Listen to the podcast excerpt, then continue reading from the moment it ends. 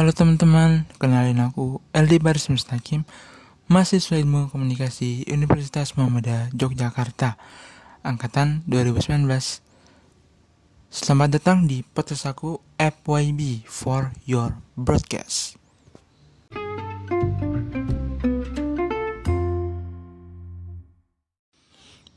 Sebelumnya aku kemarin sudah membahas tentang jenis lembaga penyiaran yang ada di Indonesia di kesempatan kali ini aku akan membahas tentang jenis program penyiaran yang ada di Indonesia.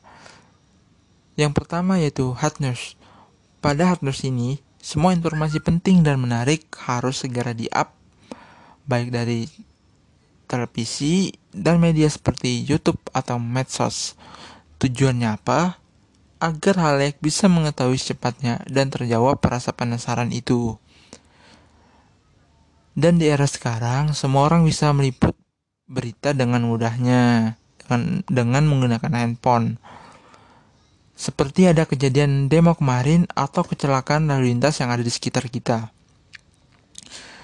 Yang kedua yaitu Shop News atau program berita yang ringan, menarik, seperti memberikan informasi tentang tempat makan yang menarik, yang di mana tempat makan itu berbeda dari yang lainnya, atau membuat informasi tentang tempat wisata yang re recommended untuk dikunjungi dan jadi bisa mengangkat tempat wisata tersebut yang pada awalnya orang pada belum tahu belum tahu belum pada tahu nih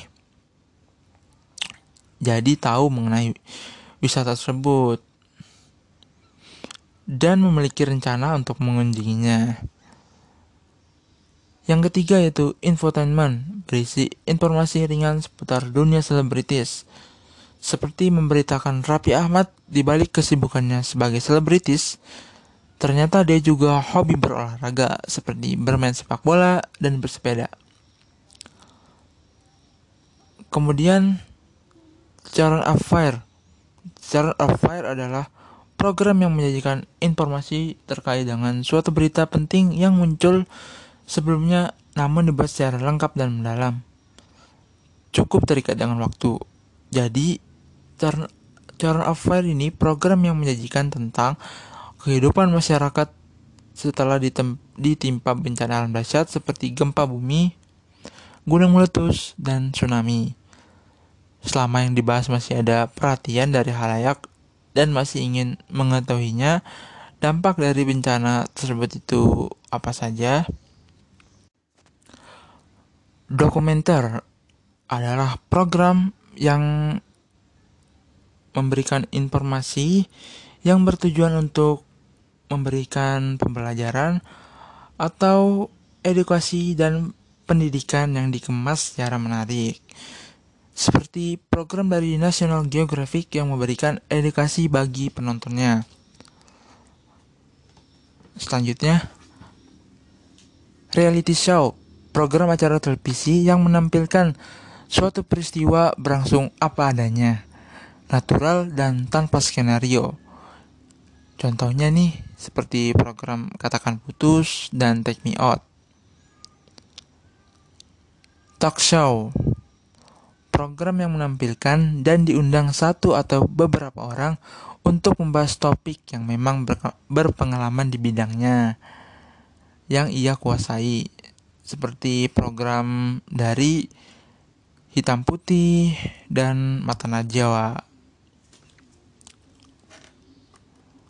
Selanjutnya ada drama. Drama terbagi menjadi dua, yaitu sinetron dan film. Sampai sekarang sinetron masih hits terutama di kalangan ibu-ibu. Bahkan sampai ada yang terbawa emosi nih. Simpati dan sampai terbawa ke dunia nyata.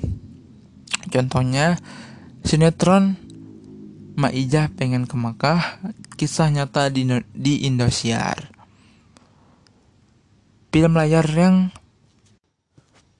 film layar lebar yang setelah itu baru ditayangkan di televisi.